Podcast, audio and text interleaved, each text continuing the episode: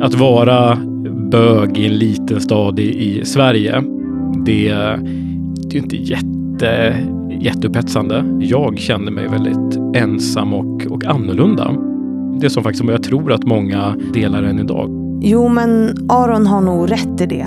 Alltså att många delar känslan av att känna sig annorlunda. Och det handlar ju inte alltid om att vara gay, utan att vara annorlunda, det handlar ju om att på något sätt sticka ut från en norm. I det här avsnittet så pratar vi om hur han hittade sin väg genom det där och hur det ledde honom till att jobba med inkludering och mångfald i allt som han gör. Och innan vi drar igång avsnittet så vill jag precis som vanligt tacka min fantastiska sponsor Excitec som gör att vi ständigt kan lära oss om så här viktiga frågor. Men nu, kära lyssnare, rätta till lurarna och dra upp volymen. För här kommer ett avsnitt med Aron Kron.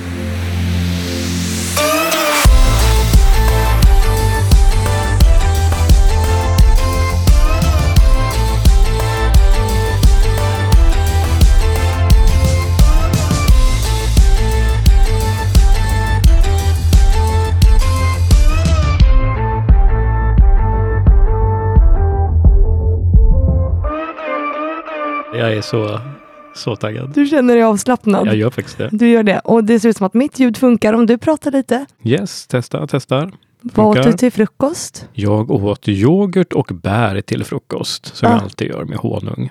Ja, ah, Mm. okej. Vad, vad nyttigt det lät.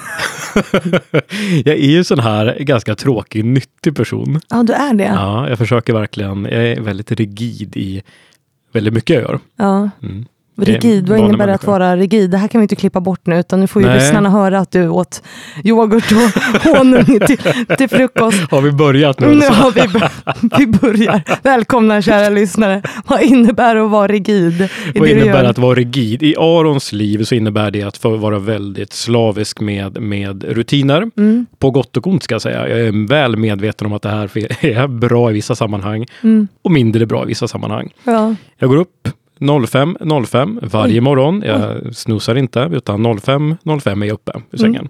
Äter frukost, går till gymmet, tränar en timme och 15 minuter. Ett exempel på vara rigid.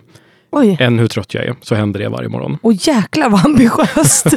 hur, känns det då, Ambitiöst eller dumdristigt, jag vet inte. hur känns det då att ett, så här, komma hit till mig som bara tjolahoppsan hejsan lite grann och också styra upp ett event som du är med på som bara du får vara med och så bara gör lite det här typ.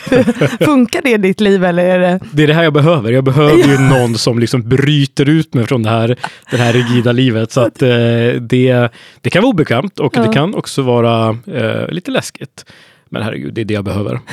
Du får börja hänga med med mig helt enkelt. jag, får, jag får göra det. Jag är i och för sig också en så här rutinmänniska på många sätt. Ja. Men jag är också lite så här hippet i happig och liksom bara tjo, ta det lite som det kommer ibland. Det vore nog bra. En, mix av oss känns som det är perfekta. Men Ja. herregud, min man är nöjd med mig. Så, att det, är, ja, så länge han är glad och nöjd med mig så funkar det bra. Din man är nöjd med dig.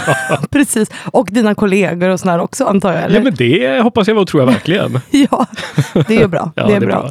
Välkommen Aron Kron kan vi säga då. Tack. Jättekul att ha dig här. Eh, jag fick ju upp ögonen för dig när jag hade min gala eh, förra året. Mm. Eh, jag har ju sett dig, liksom, vi har varit kontakter på sociala medier ganska länge och sådär, så jag har ju sett dig i liksom, mitt flöde så att säga. Men det flödet är ju stort. Liksom. Ja. Det är svårt att, att ta in allt. Men du var nominerad till, om det var antingen var det person för mångfald eller man för jämställdhet. Ja. Vilket var det? Kommer du ihåg? Person för mångfald Person fick jag ett mejl om. Ja, var. då var det Ja, det. då var det det. Då var det det. Jag Ja. satt och gjorde allt det där manuellt. Det var ju också mitt liv. Så här, inga Oj, oj. automatiserade processer, Nej. allt bara manuellt. Men då fick jag upp ögonen för dig. Och sen så började vi prata och så ska vi göra ett event nu i april ihop och sådär. Mm. Jättekul. Fantastiskt kul. Ja, hur känns det att, att vara här och hur är dagsformen idag? Liksom? Den är så taggad, för jag säga till och med övertaggad till och med. Men eh, som vi pratade lite om innan, att, att vara här för mig, det är ju eh, faktiskt en del av min bucketlist. Roligt. Och lite lustigt nog så, jag satte det här på min bucketlist kanske i oktober, november förra året och tänkte att någon gång i mitt liv så kanske Fanny hör av sig till mig. Till mig. och då kändes det väldigt långt borta. Ja. Eh, med tanke på vilka som faktiskt kommer till dig. Ja. Så att med det sagt känns det ju enormt stort och för mig väldigt ärofyllt att vara här. Ja, det är jättekul att, att höra. Jag blir nästan lite generad. Det här är något jag måste träna på, ta emot eh, komplimanger. Eh, häftigt. Jättekul. Men vem är, vem är du då? Vem är Aron? För det brukar ju gästerna få Ja, inleda med att berätta. jag skulle säga att jag är en eh, orädd, Mm. ganska högljudd eh, kille, man som tar mycket plats, som har lärt mig att ta plats genom åren. Mm. Så att eh, privat så är jag en, en 44-årig man som bor i, eh, utanför Stockholm i Sollentuna med man och två hundar. Mm. Ja, du som är hundmänniska. Ja, hundarna, är, är man hundmänniska så då vet man. Ja. Hundarna är en stor del av våra liv. Mm. Eh, norrlänning från början, men nu har jag faktiskt bott i Stockholm längre än vad jag bodde uppe i Hudiksvall, där jag kommer ifrån, i Ja. Hälsingland. Och sen så är klart anledningen till att jag sitter här, mångfald, jämställdhet, inkludering. Det, det är liksom en så stor del av, av mitt kall, av mitt liv Mm. och också då mitt jobb. HR, HR-direktör på Schibsted som är mediehuset. Mm. Så att, men det här, för mig går det här ihop. Det är, jag är en, en kille, en människa som verkligen låter den glöden för allas lika värde genomsyra egentligen allt jag gör. Så att det, det är liksom jag i ett nötskal att hela tiden kämpa, brinna, försöka stå upp för, för de värderingar som jag tror på. För du, du bodde i Hudiksvall, hur hamnade du i Stockholm? Var Det det? var, det var faktiskt en, jag skulle nog säga att det var en slump, men sen Mm. är det klart att eh, att växa upp på Hudiksvall, det är en ganska liten stad. Det är ju Mm. en jättefin stad på många sätt, Mm. men det är också en liten stad. Och eh, någonstans där när jag var 18, 19, så började de här ambitionerna i mig växa och känna att jag vill någonting mer. Mm. Och eh, min syster till exempel, hon är helt olik mig. Hon bor kvar i Hudiksvall och har sin familj och sitt liv där och trivs jättebra med det. Men jag, vi drog åt olika håll. Mm. Så att jag började tänka karriär, jag, jag ville se världen och för mig var världen då Stockholm. Eh, det, det faktiskt säger också någonting. Ja. Eh, Jag var inte så berest helt enkelt. Och sen är det klart att att vara bög i en liten stad i, i Sverige, Mm. det, det är ju inte jätte, jätteupphetsande. Nej. Det, det kanske är sätt då? mycket bättre idag. Nej men det är på den tiden, det här var ju, vi ska komma ihåg att det här var sent 90-tal. Jag flyttade 98. Och som sagt, ja, det kanske är annorlunda idag, men, men då var det ju, det fanns ju inte riktigt, det pratades inte om. Det är klart att det fanns, men det var en väldigt, den här tystnadskulturen som finns än idag, jag tror att den var ännu större eh, på den tiden. Mm. Man var ju väldigt, en, eller jag kände mig väldigt ensam och, och annorlunda. Mm. Eh, Det som faktiskt, jag tror att många, många eh, delar än idag, framförallt kanske om man inte bor i en större stad. Och det är klart att den, så kallar det nyfikenheten på hur, hur det kan vara, den eh, drog mig också till Stockholm. Jag är inte säker på att jag faktiskt visste då att det var det, det som drog mig. Men, men nu i efterhand så är det klart att i samma, i samma sekund som jag kom till Stockholm så eh, blommade jag ut kanske på ett sätt som jag inte visste att jag kunde. Nej, just i din, din, vad säger man då, böghet. Alltså, du är faktiskt för, den första bögen som är här. Jag tycker det är ett ord som är så lite, så, eh, eh, inte svårt att ta Ja. i munnen, men, men det, det, visst är alltså nu frågar Ja. jag rent öppet, eftersom Ja. jag inte varit inne i den här världen.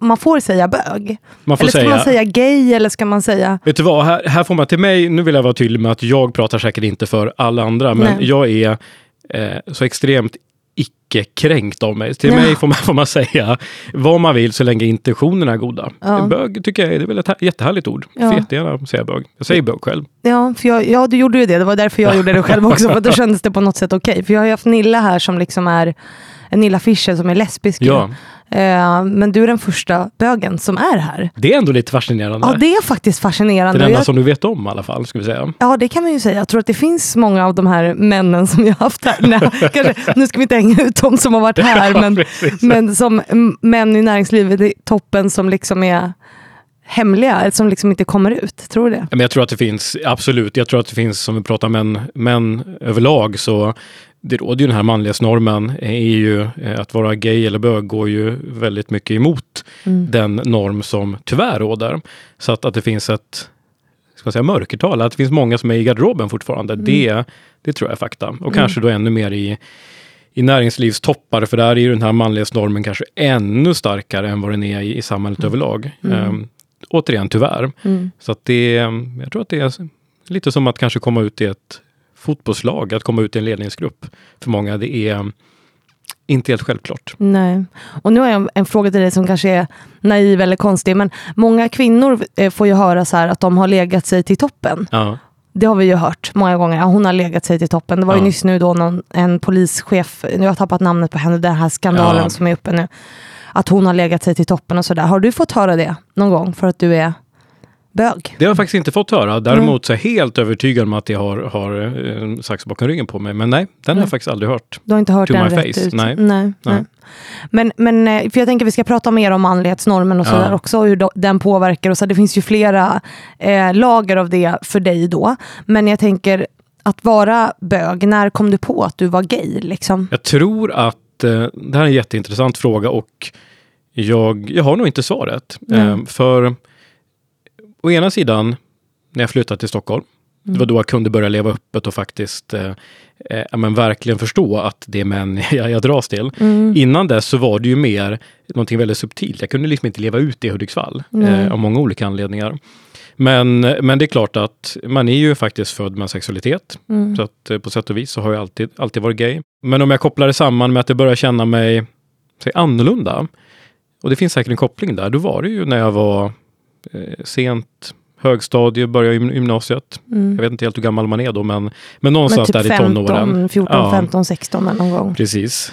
Det var då jag började känna mig, mig annorlunda på riktigt. Mm. Och drog mig tillbaks lite grann och sådär. Och det är nu när jag tittar tillbaks på det. Mm. Och det är ju en av fördelarna med att göra sånt här, att faktiskt tvingas till att reflektera över mitt liv. Att jag Mm. är ute och pratar och träffar dig och, Mm. och så vidare. Då har jag klart tänkt tillbaks på det och sett att ja, men där händer det ändå någonting med mig. På vilket sätt kände du dig annorlunda? Vad var det som liksom väcktes för känslor i dig? Och jag var annorlunda på alla sätt man kan vara annorlunda. Okej. Eh, det, dels så var jag såklart en, en mörkhyad kille Mm. i en norrländsk miljö. Återigen, det här var 90, 80-90-tal. Det var annorlunda i sig. Också att då börja känna att, eh, vilket jag antar var att jag är bög, även om jag inte liksom hade, hade orden på det just då. Det gjorde ju också att jag var, jag var annorlunda. Mm.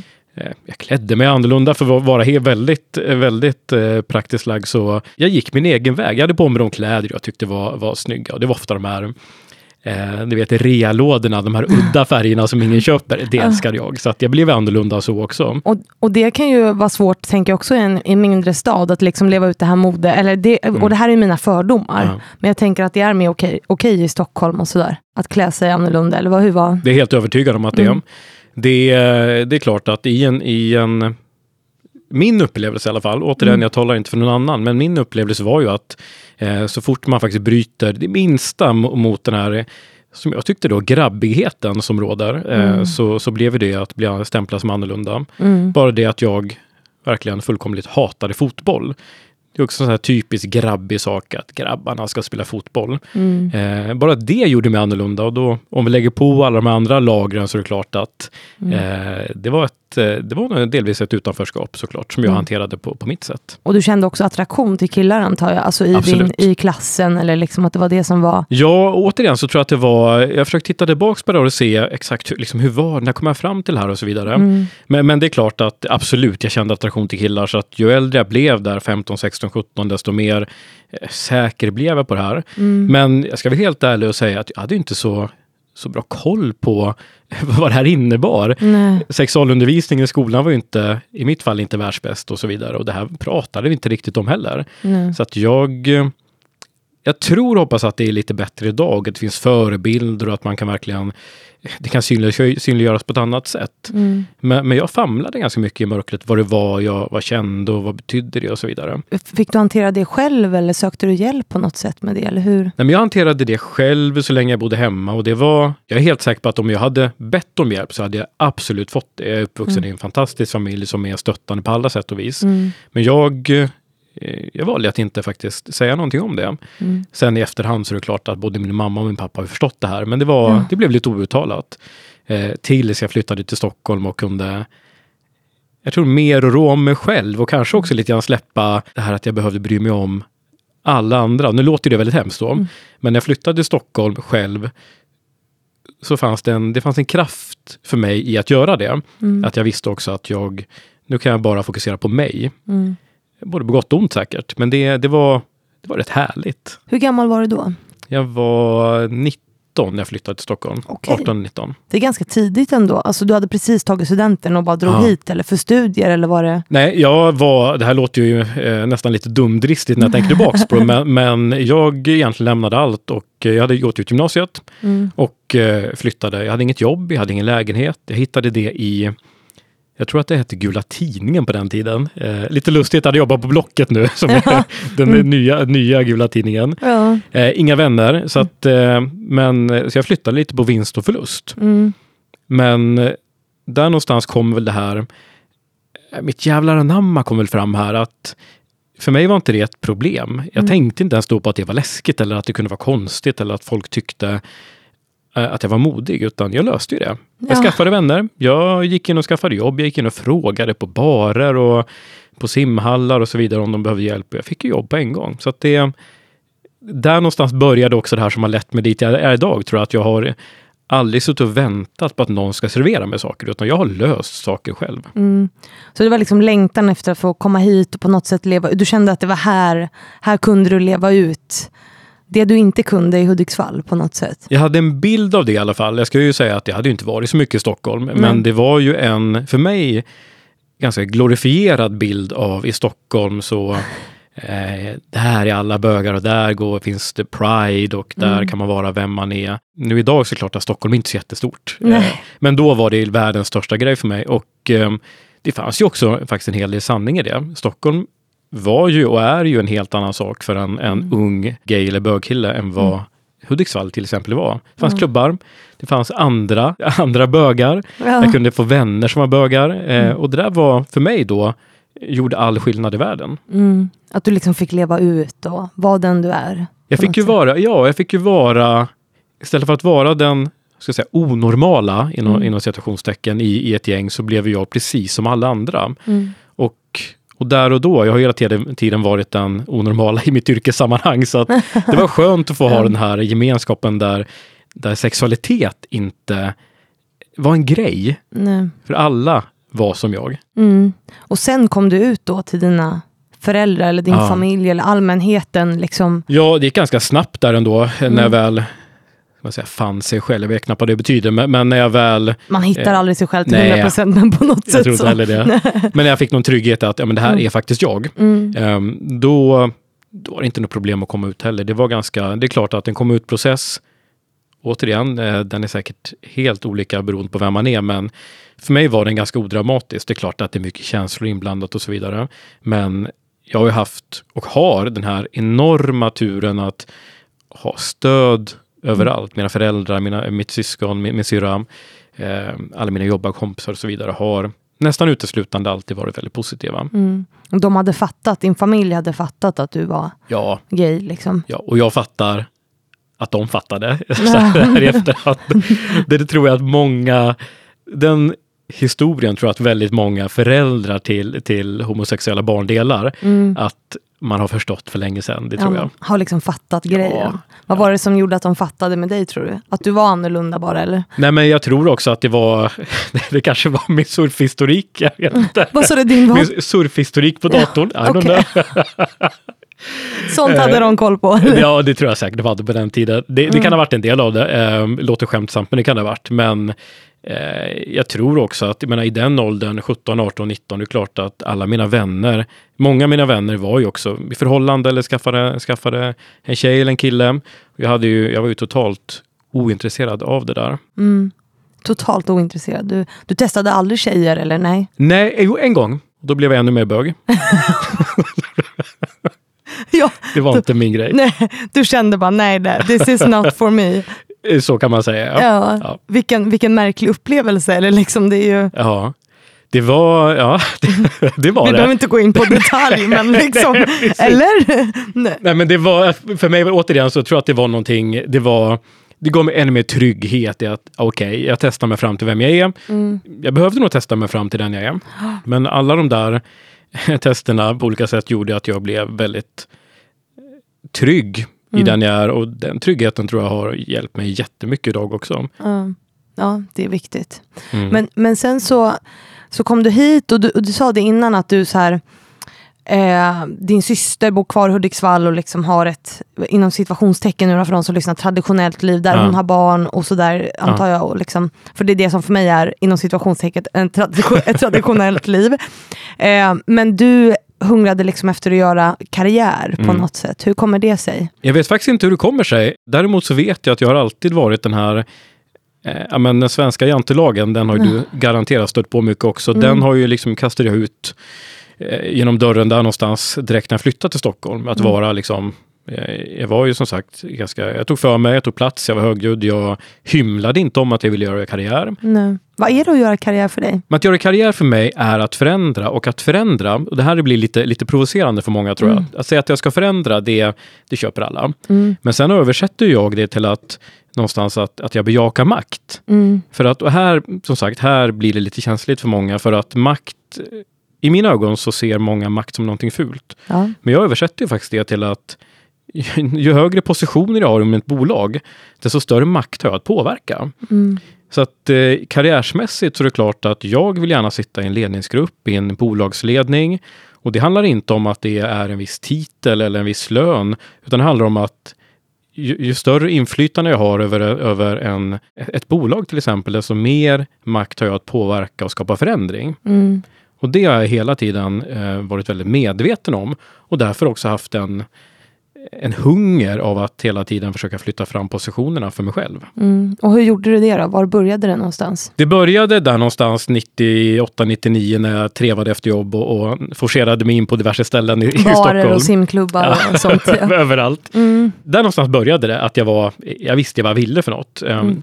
Sen fick jag väl mitt första ska säga, mer riktiga jobb, mer långsiktiga jobb, um, där någonstans vid 2000. Mm. Det var på ett eh, bolag som hanterade försäkringsskador och jobbade med, med larmservice och så vidare. Då var du 21. Så det var 21 ja. Och eh, vi... Vilken koll jag har va? Ja, fantastiskt. Och redan där, 21, när jag skulle bli 22, fick jag min första ledarroll. Mm. Vilket ju var, jag var helt oprövad. Det var ju, ja men det var väl att jag råkade ha turen att ha en ledare som vågade satsa på mig, Mm. vågade se min potential. Som sagt, jag var ju helt oprövad då. Mm. Men eh, då fick jag en, en teamledarroll, en gruppchefsroll att börja leda personal. Vad tror du det var den personen såg i dig? Men jag tror den här glöden och det här eh, jävlar anammat återigen Mm. att jag, jag vill. Sen har jag ju inte jag, och det gäller mig än idag. Jag säger inte att jag har alla svar på allting. Och det var ju, men idag har jag mycket svar, men då hade jag knappt några svar överhuvudtaget. Men jag Mm. hade ju en, en vilja att lära Mm. och eh, en, en väldigt stark tro på att förändra. Mm. Så att ehm, där någonstans började liksom min, min ledarkarriär och så fort jag fick smak på att vara ledarchef eller ledare, då eh, blev jag väldigt övertygad om att det här är min grej. Mm. Att faktiskt kunna hjälpa andra, eh, att kunna supporta andra, att kunna att vara ledare också att eh, ibland förändra andras liv. Mm. Jag gick igång på det. Vad är det det som? På vilket sätt känner du att du har förändrat andras liv? Jag tycker att det jobbet är för många idag en, en enormt stor del av, av livet. Man är på jobbet, många av oss är på jobbet minst åtta timmar per dag, ofta mer beroende på vad man jobbar med och vilken roll man har. Det är klart att jag är av den åsikten att privatliv och jobb går ofta ihop. Eh, Det är helt omöjligt att, att separera det totalt. Och jag har ju stött på så många eh, medarbetare, kollegor till mig som har mått dåligt, som har haft ett, då- en dålig chef tidigare, som har varit på väg mot utbrändhet, som har blivit, råkat ut för mobbing, trakasserier Mm. av alla dess slag. Och det är klart att om jag går in och verkligen gör allt jag kan för att se till att den personen hamnar på bra ställen, får rätt verktyg, får rätt support och rätt stöd, så tror jag faktiskt ibland att det kan vara en, en livsförändrande situation. Mm. Och det handlar inte om att jag säger att jag är så fantastisk och är Messias och skapar förändring, men jag tror att ledarrollen, den är så pass viktig. Den kan faktiskt skapa förändring på riktigt om man hanterar rollen och faktiskt makten som kommer med rollen korrekt. Mm. Makt är ju ett ord som vi måste prata mer om. Ja, Och bo, och framförallt för, för, i mitt fall, kvinnor, men jag tänker också för dig som liksom, du slår ju taket på, på radarn på Ja. något sätt. Du skulle ju varit kvinna också kanske. precis. För du har, ju, haft- du har ju ändå, gud nu skrattar jag, det är ju jättehemskt. Du har ju ändå fördelen inom situationstecken att du är man, Ja. men du är både svart och gay. Mm. Eh, så att du, du slår ju i taket på många saker, Ja. liksom i att sticka ut, eh, att kräva inkludering. Och jag vet att du har sagt att ditt engagemang liksom grundar sig väldigt mycket i dina egna upplevelser av typ rasism och, Mm. och homofobi. Liksom. Vad är dina upplevelser av, av det? Ja, men de är, det finns ju både de här mer rent eh, pang på upplevelserna och också det här Mm. subtila. Och det subtila kan vi komma tillbaks till. Det tycker jag försiggår på väldigt många ställen än idag. Mm. Men för att ge ett, ett väldigt konkret exempel på, på eh, rasism och homofobi säkert i samma, Mm. i samma där. Det var, ja men vi kan gå tillbaks till ganska tidigt i min karriär när jag, eh, eh, eller kanske i mitten av min karriär när jag var på väg att få ett jobb som jag jättegärna ville ha. Det var en, hade varit en lång process och det var med alla, alla möjliga tester och så vidare. Och jag var på väg till eh, bolaget och skulle träffa rekryterande chef och signa. Det var klart i princip.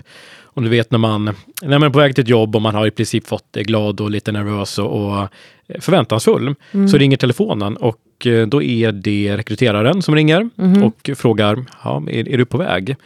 Ja, men jag, jag är på väg. Jag, jag ska vara där om tio minuter, så jag är snart där.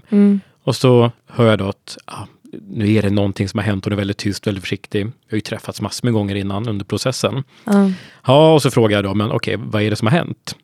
Och redan då börjar jag ju känna, okej, jag känner vart det här är på väg någonstans nu. Men då, då ska han ändå ha att hon var väldigt rak och sa att, vet du vad, de, det har kommit fram att du är gay till bolaget och eh, de är inte riktigt redo för det. Och det här var 2011, De är inte redo. 2012. Ja. Så det här är ju, är ju verkligen eh, ja, men ska vi säga, pang på homofobi. Ja. Eh, helt enkelt. Och det var väl tacksamt att de faktiskt inte lindade in det. Nej. Men det, och även om det här är ganska länge sedan nu och mig stärkte det ju. Jag, Mm. jag, klart att jag tolkade det som att nej men herregud, jag vill inte jobba hos dem heller så att det här Mm. var nog för det bästa. Men det här är ju faktiskt vardagen för, för många idag. Men vad då inte redo för det? Alltså så här, och det här är en intressant fråga. Så här, vad behöver man vara redo för för att anställa någon som är gay? Ja. Alltså så här, vad är... Ja, ingenting Nej. såklart. Men vad Eh. tänker folk att de behöver vara redo för? Eller förstår du? Kan vi sätta oss in i det och försöka förstå Mm. det på något sätt? Men jag tror det finns en, en eh, för allt okänt. Mm. För jag tror att vi måste gå tillbaka till det att för många, återigen den här mansnormen, om man tittar på många bolag jag har varit i, Mm. så är det ju faktiskt idel män i ledningen. Och för de här, eh, nu generaliserar jag lite grann, men, men eh, jag tänker också att det är okej i den här kontexten av bolagsledningar, att de här vita heterosexuella männen i 60-årsåldern, eh, för dem är det lite okänt att vara bög eller att vara, ha, ha mörk hy eller att vara kvinna eller att vara transperson. Det, det bryter mot deras norm. Då tror jag att det föds någon nervositet som är totalt obefogad. Och det, finns inte, det är inte faktagrundat på något sätt. Men den här nervositeten gör att man hellre går den enkla vägen och håller sig med den typ av människor eller den typ av kompetens som man faktiskt kan och känner till. Det är klart att både du och jag förstår och vet att det hämmar ju alla möjliga saker. Innovationskraft och idérikedom och trivsel på jobbet och så vidare. Men det är att gå den lätta vägen. Så jag tror att den här rädslan för det okända, för för många är det lite okänt att, att vara gay, även om det låter konstigt. Men hur tänker du den här traditionella mansrollen? Då? Alltså vad är den för dig? Den är, om vi tittar i en yrkeskontext för mig, så är det att eh, man knyter, jag tycker ofta att vi knyter egenskaper till att vara man. Och det kan vara att vara tuff. Jag är kanske motsatsen till det. Om man tittar på, jag är ganska mjuk, eh, jag eh, hoppas och tror att jag jobbar mycket med empati. Men, men den här tuffheten tror jag, det ställs emot varandra, men att man ska vara tuff och då går det inte att ha de andra egenskaperna. Nej. Man ska kunna peka med hela handen. Det är mycket sådana hårda eh, attribut som, som appliceras på, på manlighetsnormen. Det jag tycker och tror det är att det ena, ena går inte mot det andra. Att vara tuff, jag kan vara jättetuff i mitt jobb ibland, för det är klart att det ingår i min roll. Men det är ju inte, betyder ju inte att jag inte kan ha en mjuk sida eller vara empatisk till exempel. Så att den här manlighetsnormen för mig är att ha de här ganska tuffa, hårda attributen och tycka att det är lite läskigt eller till och med fel ibland att blanda upp dem med mer, det som ses som mer feminina eller kvinnliga attribut. Och um, jag skrev faktiskt om just det här på, på min LinkedIn för någon, någon dag sedan och eh, tänkte att ja, men det här är ganska självklart ändå. För det är lätt i, i min värld att eh, tänka att mycket av det jag jobbar med, alla tycker samma sak. Men då kom det faktiskt kommentarer om just sånt här att men herregud, vad, män ska väl vara män? Och varför, varför Aron ska, tycker du att män ska, ska bejaka sina, sina kvinnliga sidor och så vidare? Mm. Och det är precis det här jag menar, att den här män ska vara män, det, det kom Mm. till mig. Så att det finns ju där ute uppenbarligen. Eh, Ja, uppenbarligen, för jag får ju ganska ofta Ja, du om någon vet väl? meddelanden om det. Ta inte bort våra manlighet, men det handlar ju inte om, om det. Eh, och så här, målet med jämställdhet överlag är ju att vi inte ska prata om män och kvinnor, men där är vi ju inte, Nej. Inte idag. Men har du känt att den rollen liksom har begränsat, eller att du har försökt anpassa dig efter, det, efter den, eller har du liksom bara kört ditt race på något sätt? Jag har ju på gott och ont inte anpassat mig ett dugg. Jag tror att det är därför jag sitter där jag sitter idag. Mm. Samtidigt så är jag också medveten om att det är klart att det har gjort att min karriär har varit eh, det var ganska tufft såklart till och från. Mm. Men, men jag, har, jag har inte anpassat mig. Jag har hela tiden vägrat att anpassa mig. Mm. Och, men det innebär ju att det är lätt för mig att sitta här idag med den plattform jag fått och säga att ja, men det var så lätt och det var det riktiga. Det var det, men jag förstår ju verkligen att det, det kräver ganska mycket att inte anpassa sig. Det är mer än att bara säga orden. Det finns ju flera jobb som jag har varit på där det inte har funkat att in, inte anpassa sig. Och då har jag tvingats in i ganska tuffa beslut och är det här verkligen rätt för mig? Mm. Så att, Vad kan det vara till exempel? Alltså, Ja, men hur, hur har den upplevelsen sett ut när du känner så här, här måste jag anpassa mig? Vad är det som har hänt då? ja, men när det kommer in på ett jobb när man eh, ja, men nästan kommer in som någon form, form av eh, ska jag säga, mångfaldsalibi. Eh, Jag tänker att många bolag idag, framförallt kanske förr, var började, det började föras en medvetenhet om de här frågorna, kanske som jag upplever det på sent 90-tal. Och då börjar man tänka att men den här kompetensen behövs komma in och då, redan då fick ju många upp ögonen för mig. Men att komma in som någon form av alibi, att vi tar in Aron, han är mörk, han är gay, han kan de här frågorna. Och that's it. Mm. Det finns ju exempel där det har kommit in på en arbetsplats där man har sett att vi, tar, vi rekryterar Aron, sen är vi klara. Där det inte funnits några medel för att jobba med frågorna eller ingen budget, ingen, ingen förankring i ledningen. Utan det är liksom, man binder de här frågorna till en person, mig. Mm. Och, Och så ska du bara vara någon typ ansikte utåt för det då? Ja men eller? precis. Och det här tror jag faktiskt många behöver tänka till på än idag. Mm. Men eh, det är klart att då blir det väldigt tufft när man kommer in i en organisation eller en, en vardag, en värld där egentligen alla har en helt annan värdegrund och ingen är beredd att ändra på sig utan man har liksom tickat av en box. Mm. Och då är det klart att eh, de gånger jag hamnat i det, det är framförallt en gång jag hamnat i det, det är klart att det var extremt tuffa månader var det. Jag slutade sen. Eh, återigen, med, jag är tacksam för att jag har det modet. Ja. Men innan jag kom dit så är det klart att det var ju eh, väldigt mycket gråt eh, från min sida för att någonstans ändå försöka förändra det här. Men Mm. det är väl också viktigt att kunna dra en gräns och veta när, när är det faktiskt nog. Hur märkte du det? Var det att du inte fick pengar till att satsa eller att du, du blev bara satt där som någon typ av alibi att liksom, du är svart och gay så Mm. och sen så fick du sitta där och vara ett ansikte utåt eller vad var det som? Ja, men det, var, det som gjorde att jag fick nog var ju framförallt att jag mådde för dåligt. Mm. Punkt slut. Det var, det var mitt eget välbefinnande som, som satte stopp. Mm. Men det satt ganska långt inne, så jag, med första hand kanske jag borde ha, ha, ha tagit det beslutet tidigare. Mm. Men det som ledde mig dit var ju att det fanns verkligen, det här var en, en det var inte bara att, att man inte var så intresserad av frågorna, man var verkligen på, en, på ett helt annat ställe värdegrundsmässigt.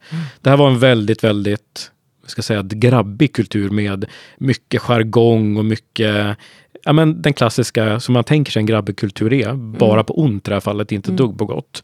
Och den kulturen tror jag inte skulle accepteras på så många ställen idag, men återigen, det här var, var ganska länge sedan. Mm. Och att gå till ett jobb och hela tiden eh, sitta 8, 9, 10 timmar dagligen i det här skitsnacket helt enkelt. Ja. Med, med män som, för det var nästan bara män här, Mm. rent ut sagt beter sig som svin och pratar illa om eh, kvinnor, om yngre, Mm. om framför allt om bögar också. Herregud, det var ju inte alls populärt att jag var gay där. Nej. Det är klart att det, det funkar liksom inte. Och där, är det, där räcker det inte att ta in en Aron. Nej. Hur hanterade du det? Alltså när du var på plats så att säga. För du säger att du började må dåligt och Mm. sådär, men hur hanterade du det den tiden du var där? Jag försökte verkligen kämpa. Jag gjorde, vi hade en ganska stor lednings, eh, ledande roll där. Så det är klart att med det kom också att jag hade ett mandat att försöka förändra. Mm. Så att jag försökte verkligen förändra. Jag bytte ut eh, ledare och så vidare och försökte skapa en, en ledningsgrupp eller chefsled som faktiskt skulle kunna förändra det här. Mm. Men det, ja, det gick inte. Och det här är väl kanske den, det tillfälle i karriären som det faktiskt inte har gått. Nej. Men du har lyckats överallt annars eller? så jäkla framgångsrik. Ödmjuk och härlig. ja, precis. Det brukar jag också säga. Smart, snygg, rolig och väldigt ödmjuk. ja, Nej, men ja, ja, det tycker jag mm. faktiskt att jag har gjort på ett eller annat sätt. Jag har mm. inte stött på den där motgången där. Det är klart att när jag säger lycka så menar jag att det, jag har gjort jag har tagit många bolag igenom stora förändringar. Mm. Sen är kanske inget av de bolagen är framme än. Ja. Men, men det tror jag inte ingen kanske någonsin blir klar. Nej. Men jag tycker på andra, andra ställen så har jag fått det fulla mandatet, jag har fått ett förtroende och jag har framförallt fått, fått någon form av blessing från en högsta mm. ledning. De mm. gånger jag inte suttit i högsta ledningen. Mm. Att man backar upp det här och eh, om en högsta ledning backar backar de här frågorna, då, då kommer det att fungera. Ja, för det är ju en av nycklarna till det. Eh, att liksom ledningen backar, eh, om det nu är jämställdhet eller om det är mångfald i form av etnicitet eller sexualitet. Liksom. Mm en av nycklarna. Men hur gör du då för att driva förändring? För jag tror att det är väldigt många kvinnor som känner igen sig. Eh, nu är ju du man, men många mm. kvinnor, jag gjorde fel betoning på ordet, eh, som känner igen sig i det du beskriver att man eh, tas in som ett alibi eller i, i vårat fall då som kvinnor så är det ofta att du sätter en väldigt ambitiös kvinna på att jobba med jämställdhetsfrågan. Hon får egentligen ingen lön för inget mandat. Nej. Alltså det hände mig senast idag att det är en kvinna som jobbar jätteaktivt liksom med de här frågorna i sin organisation. Det är ett jättestort bolag. Hon vill att jag ska komma och föreläsa men hon får inga pengar för det. Eh, och då säger jag nej därför att ja. jag tycker att det är ju löjligt. Helt rätt. Alltså, jag, så här, jag tar ju, ja, jag behöver inte säga vad jag tar för en föreläsning, men jag tar betalt för en timmes Såklart. föreläsning. Liksom. Och, och, det är ju en grej om det är för välgörenhet eller du vet sådär, men om ett stort bolag som så här, har startat ett kvinnligt nätverk ja. inte kan betala mig som föreläsare, då säger jag nej. Mm. Det blir en lång utläggning här, men, men min fråga är så här, eh, hur får man för, förändringar, man känner man slår huvudet blodigt på något mm. sätt. Vad, alltså, vad har varit nyckeln, förutom att ledningen har backat dig? Ja, men jag skulle säga att en av nycklarna det är faktiskt att, att eh, ja, men, återigen ta plats. Ja. Eh, och där, beroende på vilken roll man har, så kan man ju ta olika mycket plats såklart. Mm. Men, men de gånger jag sitter i, i någon form av högsta bolagsledning, mm. då, då är det ju jätteviktigt att jag sitter inte och väntar på att någon annan ska göra det här eller Nej. att jag ska få medhåll, utan jag är ju, eh, jag är ju liksom pain in the ass kring mm. de här frågorna. Mm. Eh, en nyckel för mig har varit att faktiskt gå från att eh, bara prata om kanske de mjuka delarna av det här till att faktiskt påvisa affärsnyttan av det. Mm.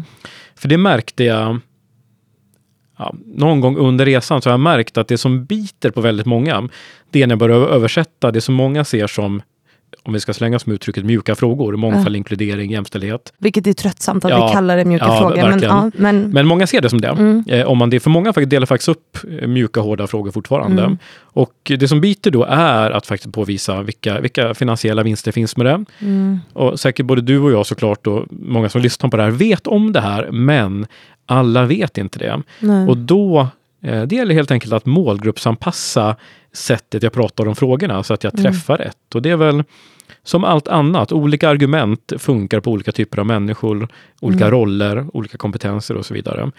Mm. Eh, och det är en del av mitt jobb att faktiskt känna min organisation så bra så att jag vet vad som passar och vilken väg jag ska gå eh, för, att, för att vinna över vem. Det är lite som att vara politiker, gissar jag. Ja, att använda rätt typ av retorik och liksom ja. anpassa budskapet på ja. något sätt. Och sen handlar det om att kravställa. Exemplet du ger där, jag håller med om att det är ju det är ju för jävligt. Och det är klart att i min roll idag så är det klart det handlar om att kravställa också. Det är ju, jag kravställer allt annat jag gör och det är klart att jag kravställer det här med. Och det är ju, när jag är ute och pratar ibland så pratar jag om att, att det i väldigt många fall så tror jag att det är som du beskriver här, att man tänker att det här ska vi göra, det här är viktigt. Mm. Men kan vi göra det lite med vänsterhanden? Vi har ju egentligen inga pengar för det. Mm. Man kan säkert göra vissa saker utan, utan medel. Men man måste också börja inse att för att jobba de här frågorna på riktigt så måste det få samma tyngd och samma, få ta samma plats som andra strategiska frågor. Mm. För det här är ju att jobba in mångfald, inkludering, jämställdhet, det är ju det är en strategisk fråga på hög nivå. Det ska in i strategin. Mm. Men varför är det inte så idag? Alltså, nu har inte du svaret på alla lösningar, men det där, alltså, eller svaret på alla lösningar, men du, vi kan inte lösa världsproblemen idag. Mm. Men jag tycker att vi pratar så otroligt mycket om det där. Alltså vi ser ju att det skapar lönsamhet, innovation. Så vi, alltså alla vet ju om det, det är ingen nyhet. Alltså, så här, den företagsledaren som bara jaha, alltså då har man ju uppenbarligen mm. befunnit sig på fel plats. Och ändå så, så tycker jag inte att det händer så super mycket helt ärligt. Alltså senast Nej. idag så bara, ja men kvinnor backar liksom i lön. Ja. Alltså hur är det liksom möjligt? Mm. Vad tänker du om det? Jag tror att det finns en okunskap. Även om den börjar bli bättre så, mm. så tycker jag mig se att vi är en... Sverige är ett ganska litet land. Mm. Vi är en klick människor som jobbar väldigt, väldigt aktivt med det här. Jag tycker jag märker det när man är ute och jobbar med det här.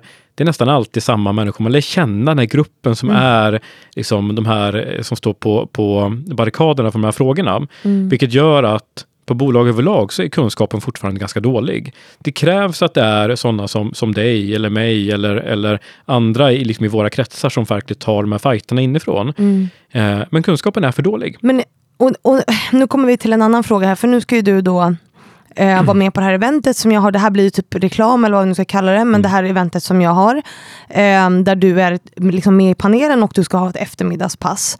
Eh, mm. Som handlar om eh, om techbranschen, hur kan vi liksom hur kan vi få männen att ta ansvar för en mm. jämställd techbransch? Mm. Då har jag satt eh, Stefan Alariksson och dig och eh, Haval Vandramt eh, från Tre i en panel mm. med syftet att ni är män och att män lyssnar på män mm. och att jag tror på att visa liksom man, manliga förebilder. Jag ska inte höja mig själv här, men jag vill bara komma till min slutpunkt. Att jag tror på att visa manliga förebilder som tar ansvar och som gör det på riktigt, som inte bara säger att det är lite viktigt ja. med jämställdhet och så vidare.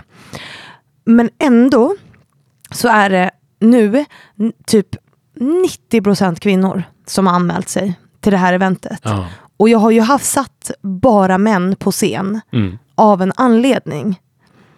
Alltså, och, ja. du, du sitter och ler här. Men jag tycker att det är nu har jag ju mycket kvinnliga följare, men liksom, jag tänker på LinkedIn så är det väldigt blandat ja. eh, ändå. Jag har mycket män som följer mig där också. Mm.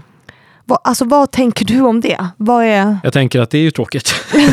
Nej men alltså det är det... så irriterande. Ja. Jag såg att Stefan hade varit inne nu och kommenterat mitt inlägg och bara hoppas många grabbiga gubbar kommer. man bara, nej det gör de ju inte. Nej. Varför? Då får vi ändra det. Det är ändå att ta kvar. Det är klart att det, det ja, måste alltså det är över en månad kvar så vi kan ändra det. Men, men liksom... Ja. Nej, och det, men det tycker jag också, det sätter ju lite spiken på det här att det är jättetråkigt. Vi ska mm. absolut försöka förändra det. Mm. Men, men det är också det här som är problemet fortfarande. Mm. Att vi återigen, vi är några få kanske som verkligen skapar förändring. Jag tycker på riktigt är just, just eh, nyckeln här. Mm. Men sen är ju intresset uppenbarligen lite lojt. Mm. Och det tycker jag, det speglar ju också lite det som jag ser i min vardag, att intresset är ganska lojt från från män. Mm. Men eh, det är klart att vi hoppas att det här, eh, jag ska göra allt jag kan för att dra med mina män och gubbar på det här. Nej, men det, det var inte det som var så, utan mest bara att jag var så här, Alltså att det är, så, det är så intressant och det är också något som jag pratat med min sponsor Excitec om. Alltså hur, hur kommer det sig att man, är det då för att man går runt och är privilegierad och tycker det är ganska skönt eller liksom, vad tänker du om det? Mm. Jag tror att det här med att man är privilegierad, det tror jag väldigt många tycker är väldigt skönt. Och mm. återigen så tror jag att det är jag är lite förvånad ska jag säga att man inte anmäler sig till det här, för det här mm. kan ju också ge nycklarna till det. Mm. För det är det jag tror att överlag att det beror på att man tycker återigen att det är lite läskigt, lite okänt. Mm. Eh, och så blir man bekväm då. För mm. då, det är det någonting vi människor tycker om, många i alla fall, så är det bekvämlighet. Vi håller mm. oss till det vi vet, för det är ganska ofarligt och, det kräver ganska lite av oss. Det är klart att jag tror att komma på det här eventet, som det dessutom är interaktivt, det kommer att kräva att mm. man faktiskt är aktiv och tänker till. Mm. Eh, det är klart att det utmanar ju säkert mångas comfort zone, men eh, jag, jag tycker ju att det är eh, jag tycker vi uppmanar män här och nu att faktiskt anmäla er att komma. Ja. Det här kommer ju verkligen vara någonstans tänker jag att är man inte med på det här tåget nu, ja, men då kommer man att få det väldigt svårt framöver. Då menar jag inte att man måste komma på det här, men jag menar ju att man måste, inom techbranschen till exempel, mm. man måste jobba med de här frågorna. Jag förstår inte riktigt att, eller om några tror att det är ett, ett val att göra, då skulle jag säga att de har fel. Mm. Inom tech till exempel så är ju, jag menar, vi skriker efter kompetens idag. Mm. Det är kandidatens marknad i mångt och mycket. Eh, I alla fall sista tiden har det varit det. Mm. Kandidaterna kan ju välja och vraka bland arbetsgivare. Och det man tittar på väldigt mycket, det är ju när man granskar ett bolag som en framtida arbetsgivare. Hur fungerar bolagets sätt till jämställdhet, mångfald, inkludering? Och det är ju essentiellt för oss att vi ska överleva, att kandidaterna att man kan checka att det här bolaget är genuint, vi jobbar aktivt med frågorna, det speglas i det vi ser. Så det här är liksom en överlevnadsfråga för, för eh, bolag inom tech och många andra bolag också. Men, och, och vad tänker du att man kan visa konkret att man gör då, som arbetsgivare? Vad, vad brukar du säga, det här gör vi aktivt för att jobba för jämställdhet? En jätteviktig sak som kan låta väldigt simpel, men det är ju bland det första många gör när man söker ett jobb. Det är faktiskt att titta på, gå in på hemsidan, titta mm. hur ser ledningsgruppen ut? Mm. Och det här med representation tycker jag är jätteviktigt. Mm. För, det, för mig är det jätteviktigt att visa att representation och förändring, det börjar faktiskt uppifrån. Eh, kultur börjar uppifrån. Mm. Så att har man en ledningsgrupp som består av sju vita medelålders män eller sju vita medelålders kvinnor för den delen, eh, inget av det är bra. Man måste ju spegla sin organisation, eh, mm. de kunder man har. Mm. Och där är ju det kan ju låta självklart, men gå in på valfri, valfritt bolags eh, sajt så kan vi se att det är inte så självklart. Så det är en sak man kan göra, att faktiskt också någonstans ta ansvar för hur ens egen, egen organisation ser ut. Mm. Men sen är det klart att det i sig skapar ju inte förändring. Det är ju faktiskt det vi gör efter det som, som är den riktiga förändringen. Mm. Och där handlar det om kulturen, skulle jag säga. Att bygga en inkluderande kultur, för det gör ju att medarbetare pratar om det här, det är ju det största värdet. När man får igång en kultur som faktiskt sprider sig. Mm. Och man hör då till exempel att det här bolaget där, de är så extremt duktiga på det här och där kan jag vara mig själv och där kan jag trivas. Mm. Det, och det är ju en, en lång resa att göra, men det är den absolut bästa det absolut bästa betyget på att man har lyckats med de här mm. frågorna.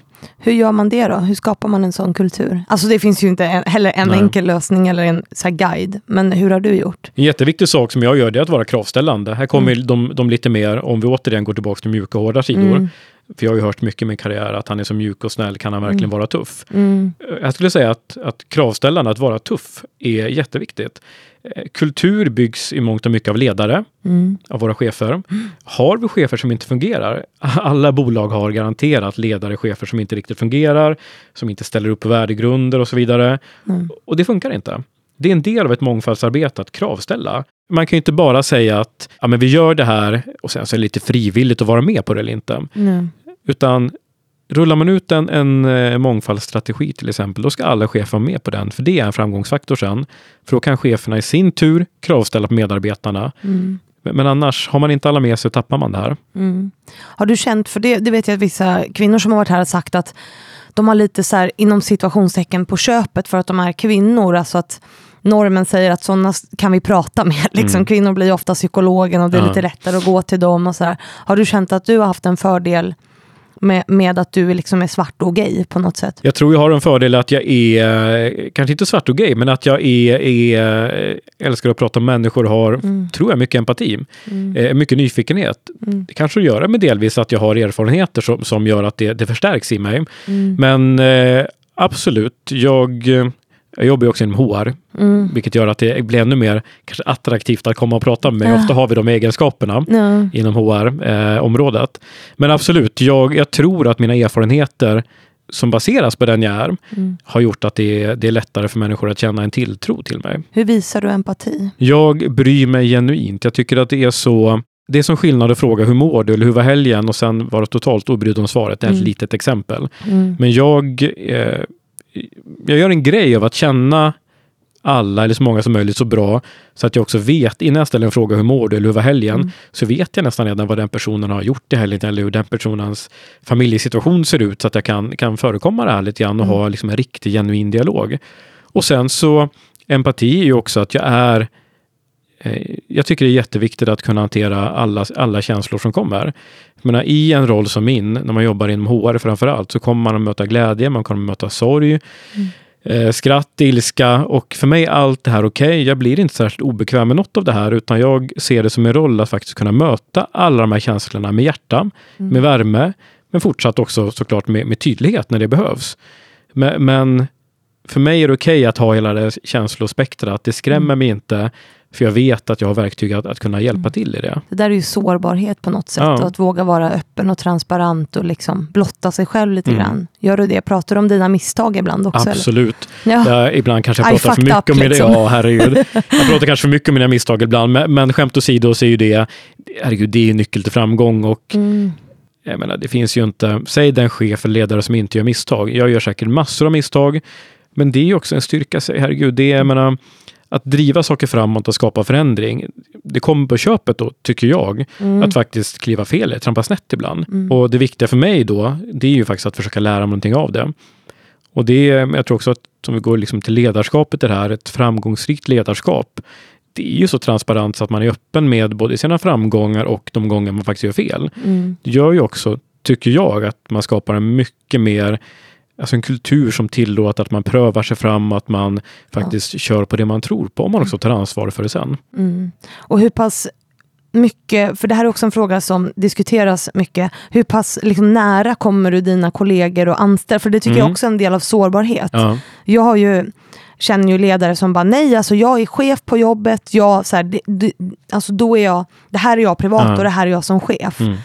Men att jag kan tycka att det kan finnas en fördel med att lära känna sina anställda och komma dem nära. Liksom. Hur tänker du där och hur gör du? Liksom? Alltså, var drar du din gräns? Jag kommer, jag kommer väldigt nära skulle jag säga. Det här är, mm. det här är någonting jag lärt mig med åren. Mm. Eh, jag tycker att det finns en gräns, absolut. Eh, att bli, börja bli personlig och börja umgås med, med eh, chefer som rapporterar till mig, det, så långt skulle jag aldrig gå. Nej. För det, det ger ju också en, kan ge problem när man faktiskt ska fatta tuffa beslut. Men jag drar den här gränsen ganska långt fram. Mm. Eh, jag är väldigt personlig, bjuder mycket på mig själv och eh, vill också att andra blir personliga med mig. Mm. Eh, och det, jag, för mig upplever det som ett, ett vinnande koncept att faktiskt ha det här förtroendet för varandra och jag tycker, för mig är det jätteviktigt att känna mina arbetare, medarbetare så bra så att jag vet att de går igenom en eh, kanske tuff period i sitt liv. Mm. Det påverkar jobbet. Jag behöver anpassa mig som ledare. Mm. Kanske behöver stötta upp mer under ett tag. Det kanske är så att min medarbetare inte kan leverera för fullt mm. eh, under en period, vilket är helt okej. Okay. Och det här kommer ju till mig för att vi har byggt en sån relation med varandra, att vi har faktiskt en, vi pratar inte bara jobb. Så det, jag tycker det är jätte, jätteviktigt. Men det är mm. också, här är det jätteviktigt för mig att man gör det genuint. Ja. Jag tror det här går inte att fejka riktigt. Om man börjar försöka skapa relation fast egentligen man inte alls är intresserad. Det går inte. Nej. Det här genuina ledarskapet eller också empatin mm. kommer ju fram här. För att blir man personlig, då måste man också kunna hantera de här gångerna då det blir tufft och när det kommer in i, i jobbiga saker. Och livet är jäkligt jobbigt ibland. Mm. Och då, då måste jag kunna hantera det med som chef. Vad menar du? Livet är inte alltid en dans på rosor. precis. Nu förstår jag inte riktigt vad du menar. Precis. För mig, jag bara så här, svävar runt på några moln. ja.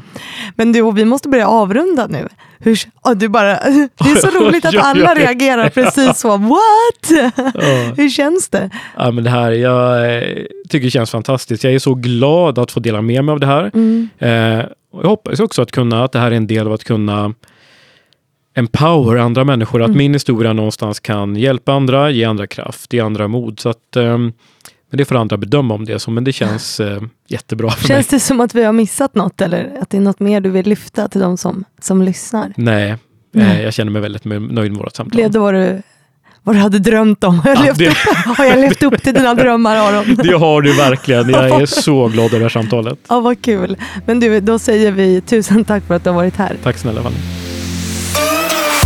Och tusen tack till alla er som lyssnat på veckans avsnitt. Jag hoppas ni får en bra vecka och så hörs vi ju på onsdag igen, precis som vanligt.